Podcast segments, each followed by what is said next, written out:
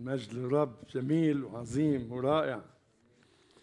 بحبنا وبنحبه مزبوط خلينا نرفع قلوبنا أمام الرب نحط إيدينا هيك حتى نستلم. إنه يا رب تكلم عبدك سامع. قولوها. يا رب تكلم عبدك سامع.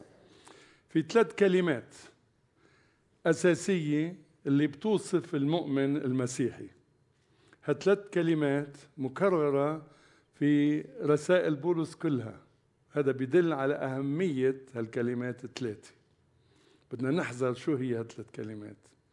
ثلاث كلمات بتميز المؤمن عن سائر الناس. هالثلاث كلمات بتلخص الحياة المسيحية من أولها لآخرها.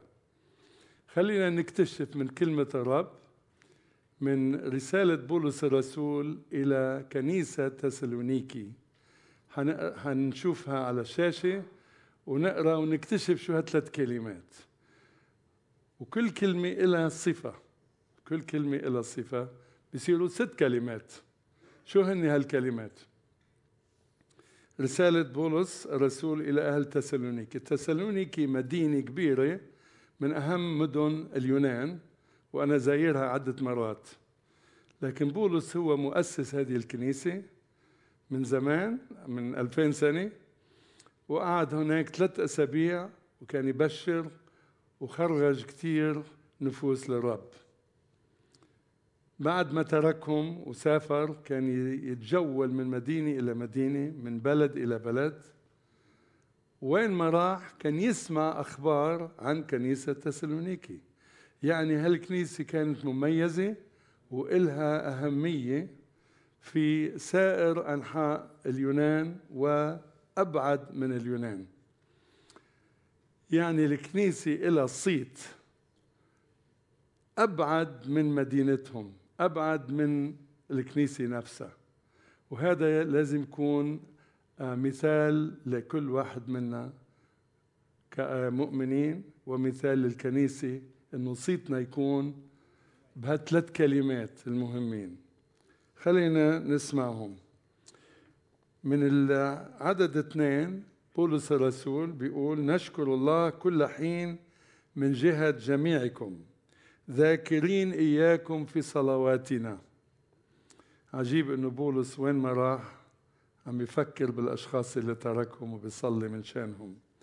متذكرين بلا انقطاع عمل إيمانكم وتعب محبتكم وصبر رجائكم ربنا يسوع المسيح أمام الله وأبينا.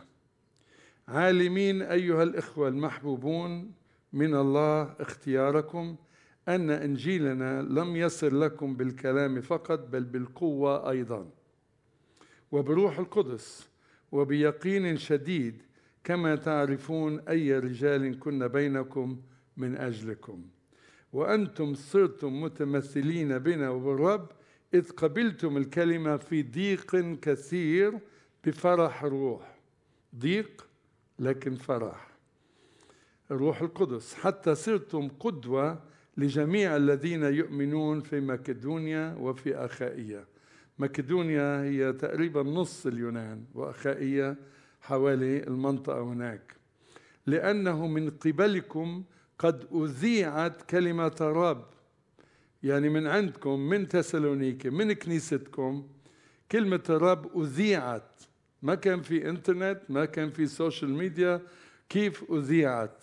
يعني صار الكنيسة صيتها رائع في كل دول أوروبا ليس في مقدونيا وأخائية فقط بل في كل مكان أيضا قد ذاع إيمانكم بالله.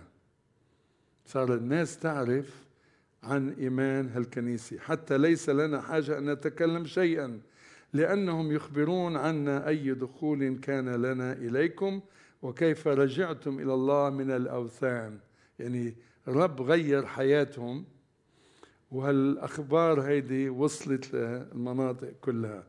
لكي رجعتم إلى الله من الأوثان لتعبدوا الله الحي الحقيقي وتنتظروا ابنه من السماء الذي أقامه من الأموات يسوع الذي ينقذنا من الغضب الآتي.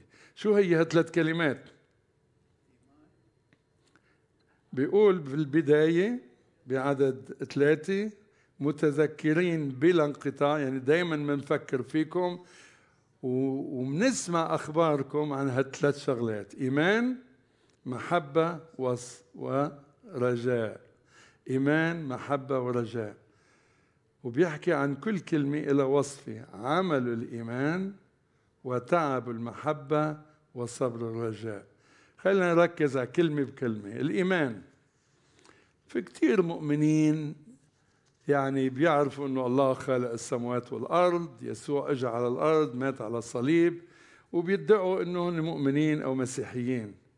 لكن كيف بنعرف المؤمن من غير المؤمن؟ المؤمن الحقيقي حسب كلمة الله على مثال كنيسة تسالونيكي.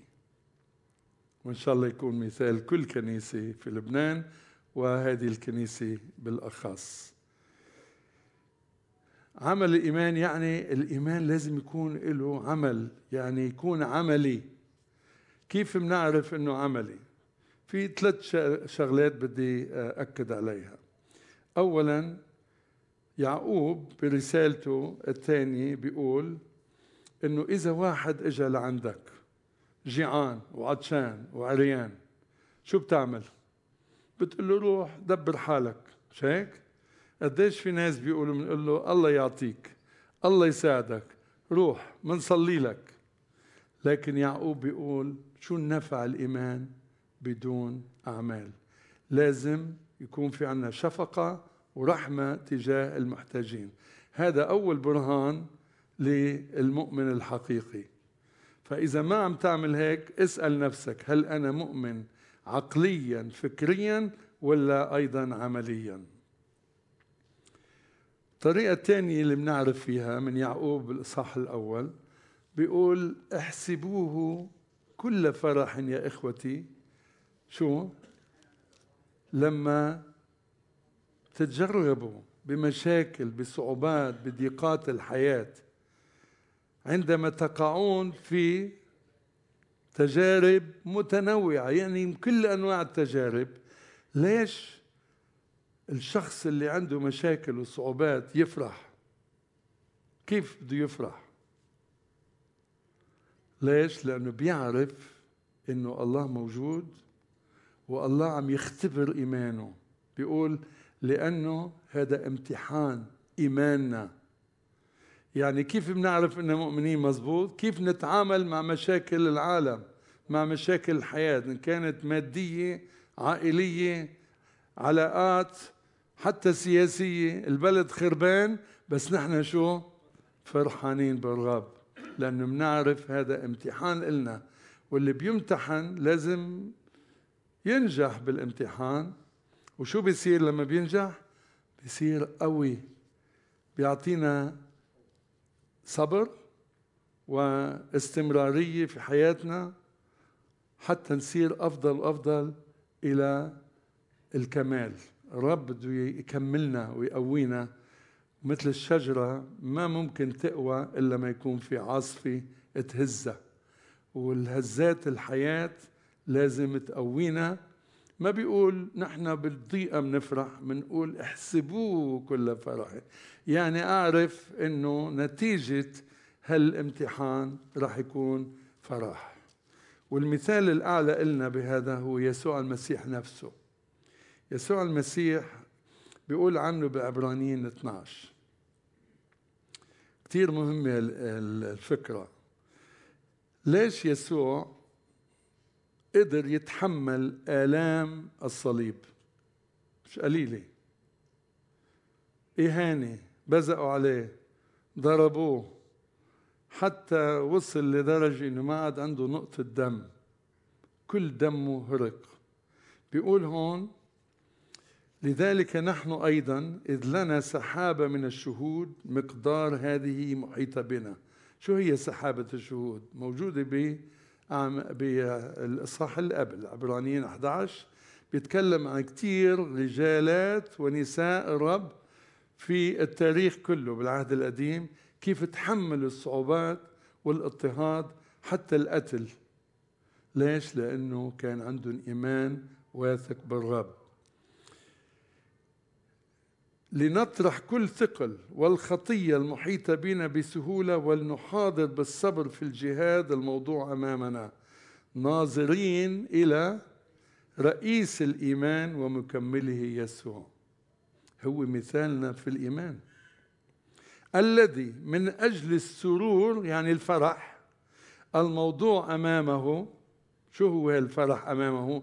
يعني بعد الصليب شو في القيامة والقيامة فيها فرح.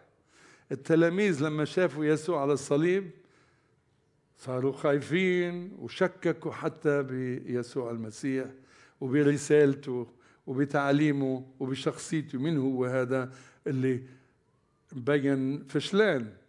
مات يعني راح انتهى. لكن القيامة غيرت كل شيء. صار عندهم فرح لا ينطق به. وبعدين بسبب القيامة وخبرتهم إنه شافوا يسوع مقام من الأموات بعد ما شافوه مات ودفن واليوم الثالث رجع إلى الحياة اتقووا اتقووا وصار فرحهم لدرجة إنه نشروا كلمة القيامة رسالة القيامة في أنحاء العالم كله. ونحن بسببهم نعرف عن يسوع المسيح. ناظرين إلى رئيس الإيمان ومكمله يسوع الذي من أجل السرور الموضوع أمامه احتمل الصليب مستهينا بالخزي فجلس في يمين عرش الله. فتفكروا في الذي احتمل من الخطاة مقاومة لنفسه. ليش؟ حتى لئلا تكلوا وتخوروا المؤمن الحقيقي ما بيخلي شيء يتعبه لدرجة إنه ما عاد يقدر يفرح بالرب افرحوا في الرب كل حين وأقول أيضا افرحوا حتى لا تهتموا بشيء بل بكل شيء بالصلاة والدعاء والدعاء مع الشكر وسلام الله يفوق كل عقل وثالث شيء يسوع بيقول لنا بيوحنا 14 لا تضطرب قلوبكم ولا ترهب ليش؟ على أساس شو؟ أنتم تؤمنون بي أنتم تؤمنون بالله فآمنوا به. يعني الإيمان لازم يعطينا طمأنينة وسلام في قلوبنا حتى ما نضطرب باضطرابات الحياة. لازم المسيحي يميز يكون متميز عن الباقي الناس بإيمانه العملي. متفقين على هالفكرة؟ ننتقل للكلمة الثانية اللي هي المحبة. وشو الكلمة بتوصف المحبة هون؟ تعب المحبة. هل بتحب لدرجة التعب؟ شو عمل يسوع بمحبته؟ بين محبته لنا شو؟ بأن مات المسيح لأجلنا. الله بين محبته لنا. مات يسوع. المحبة مضحية. يوحنا 3 16 مين ما بيعرفها هالآية كل العالم بيعرفوها لأنه هكذا أحب الله العالم حتى أحب حتى هكذا أحب الله العالم حتى بذل ابنه الوحيد. المحبة اللي ما بتكلفك شيء مش محبة حقيقية. المحبة الحقيقية مكلفة ومتعبة. واللي بيتعبونا أكثر شيء الناس اللي بنحبهم أكثر شيء. مزبوط ولا لا؟ مين اختبر هي هذا اختبر إنه الناس اللي بنحبهم بيتعبونا أكثر من غيرهم؟ أكيد. شو بيقول بولس الرسول عن المحبة بالإصحاح 13 من كورنثوس الأولى؟ حتى نفهم كورنثوس الأولى لازم نعرف شو في ب 12 بيقول بالإصحاح 12 عن المواهب الروحية اللي بيعطينا إياها الله. وبعدين بيقول سأريكم طريق أفضل. شو هي أفضل من كل المواهب؟ رح نقرأ عنها. ومكتوب هون بالكتاب المقدس أنشودة المحبة يعني الشعر عن المحبة. وشوفوا واليوم رنمنا عنها في البداية. إن كنت أتكلم بألسنة الناس والملائكة. نحن بلبنان بنفتخر بحالنا أنه بنحكي ثلاث لغات على الأقل وفي ناس بيعرفوا أربعة وخمسة وستة وأكثر. إن كنت أتكلم بألسنة الناس يعني كل لغات الأرض في سبعة ألاف لغة. أي واحد منا بيعرف سبعة سبعة ألاف لغة. بس لو بتعرف كل اللغات هاي حتى لغة السماء الملائكة ولكن ليس لي محبة فقد صرت نحاسا يطن أو صنجنير يعني على الهواء ما إلى معنى. وإن كانت لي نبوة وأعلم جميع الأسرار وكل علم شو دارس؟ دارس فيزياء كيمياء الطب أي شيء. كل المعالم كل المعارف إذا بتعرفها كلها وإن كان لي حتى الإيمان على علاقة الإيمان بالمحبة. حتى لو عندي إيمان قوي لدرجة إني أنقل الجبال ولكن ليس لي محبة فلست شيئا. ننتبه إنه المحبة هي اللي بتميز المؤمن عن كل الناس والمحبة مبنية على الإيمان. إيمان بدون محبة إيمان بدون عمل ميت. وإن أطعمت كل أموالي نحن قلنا بالأول أنه لازم يكون عندنا شفقة ورحمة تجاه المحتاجين. بس حتى لو كان عندنا هالشفقة والرحمة تجاه لدرجة أنه سلمت جسدي حتى أحترق وأطعمت كل أموالي للناس. يعني عم ضحي كثير بس ما عندي محبة. في ناس بيعطوا بدون محبة. يمكن بيعطوا للتفاخر أو للوجاهة. يسوع شاف ناس عم يحطوا مصاري كثير ووحدة هيك أرملة حطت شوية لأنه قلبها بهال يعني عطت من قلبها رفعها وهوديك قال لهم هودي ما عطيوا شيء فلا أنتفع شيئا. خلينا هلأ نعمل امتحان لأنفسنا. حط اسمك بدل كلمة المحبة وشوف إذا أنت بتنجح بهالامتحان. بيقول عن المحبة تتأنى. خليني أنا أحط اسمي. جورج يتأنى مزبوط هيك؟ حط اسمك مكان الكلمة. هل المحبة ترفق؟ المحبة لا تحسد المحبة لا تتفاخر لا تنتفخ ولا تقبح ولا تطلب ما لنفسها ولا تحسد.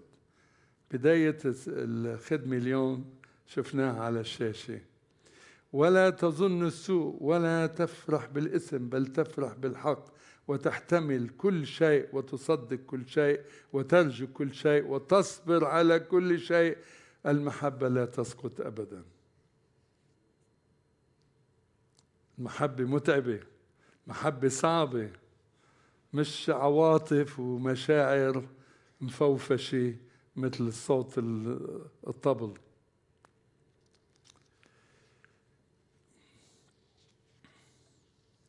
رجاء. وصلنا للرجاء. صبر الرجاء. شو يعني رجاء؟ في كلمة عربية تانية اسمها أمل. مش هيك؟ يعني عندنا أمل في الحياة. والرجاء بالكتاب المقدس بيعني هو انتظار. انتظار الشيء اللي نحن مش شايفينه بعد. بدنا ننتظره. بعبرانيين 11 بيقول آمنوا وضحوا بحياتهم وما وصلوا للي هن موعود اللي انوعدوا فيه. لكن وعود الرب صادقة وأمينة إنه كل ما وعده سيتم. الحياة الأبدية مش رح نختبرها إلا بعد الموت. الأبدية يعني معه إلى الأبد. لكن على على أساس الإيمان بكلمة الله ووعود الله نحن شو؟ نصدق كلمة الله ولنا رجاء في القيامة مثل ما كان يسوع عنده رجاء في القيامة. في بطرس الأولى واحد ثلاثة إلى خمسة بيحكي عن رجاء القيامة رجاء الميراث الميراث يعني بنورث كل شيء من الله معه كأولاد له وبعدين رجاء الخلاص الآتي. خلاصنا ما اكتمل بعد. نحن بلشنا وعنا رحلة طويلة رحلة الخلاص. عبرانيين 12 واحد ثلاثة اللي قرينا عنه بفرجينا يسوع هو المثال بهالشيء إنه السرور الموضوع أمامه سرور القيامة فرح القيامة هو اللي خلاه يتحمل الآلام. بكورنثس الأولى 15 بيقلنا أنه إذا رجعنا بس في هالحياة نحن أشقى الناس. فرجائنا مبني على إيمان في كلمة الله ووعود الله. حتى نلخص برهان الإيمان. أولا المحبة العملية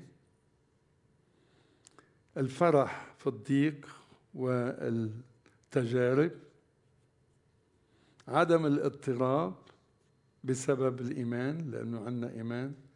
وعندنا رجاء القيامة والحياة الأبدية. هذا ملخص. بس هودي موجودين بغلاطية هالثلاث كلمات مع بعضهم بآية واحدة موجودة عدة أماكن بس هون بيقول نحن نتوقع الرجاء الإيمان العامل بالمحبة مذكورين بنفس الآية. وبكورنثوس 13 13 بعد ما بيحكي عن المحبة كذا وكذا تتأنى وتصبر ولا تحسد بيقول ويثبت ثلاث هالكلمات الإيمان والرجاء والمحبة ولكن أعظمهن المحبة. شو تعلمنا اليوم؟ هالثلاث كلمات ما ننساهم. خلينا نقولهم مع بعض الإيمان محبة الرجاء. والإيمان العامل محبة تعب المحبة وصبر الرجاء. وهالثلاث كلمات مثل ما قلنا اللي بيميزونا عن الآخرين. خلينا نفحص قلوبنا. هل نحن صحيح مؤمنين؟ هل نحن بنشوف الفقير بنساعده أو أي حاجة تانية؟ أو من أو بنتجاهل الحاجات الناس ونحن مبسوطين ببركات الرب. لما إبراهيم دعا الله قال له سأباركك وأبارك عائلتك يعني الأمة تبعك وأجعلك بركة لجميع الشعوب. الله ما بيباركنا بس حتى نكون أنانيين. الأنانية مش من طبيعة الله المحب لها سبب ضحى بذل نفسه. ونحن إذا صحيح مؤمنين وإذا صحيح محبين بدنا نعيش الإيمان عمليا في كل شيء. وأهم شيء أنه الإيمان والمحبة والرجاء يكونوا مع بعض في حياتنا مش واحدة أو اثنين أو الثالثة كلهم سوا مثل تراينجل خلينا آه، نختم بصلاة ونطلب من الرب نعمته وقوة الروح القدس اللي تساعدنا حتى نوصل لهالمستوى من الإيمان. هذا يصير صيتنا مسموع من الجيران ومن كل الناس اللي بيعرفونا. إلهنا نشكرك يا رب على كلمتك لأنك أنت كنت مثال الصالح إلنا. تحملت الآلام بسبب محبتك إلنا وبسبب الرجاء القيامة. أعطينا نفس الشيء. ولك المجد باسم يسوع آمين.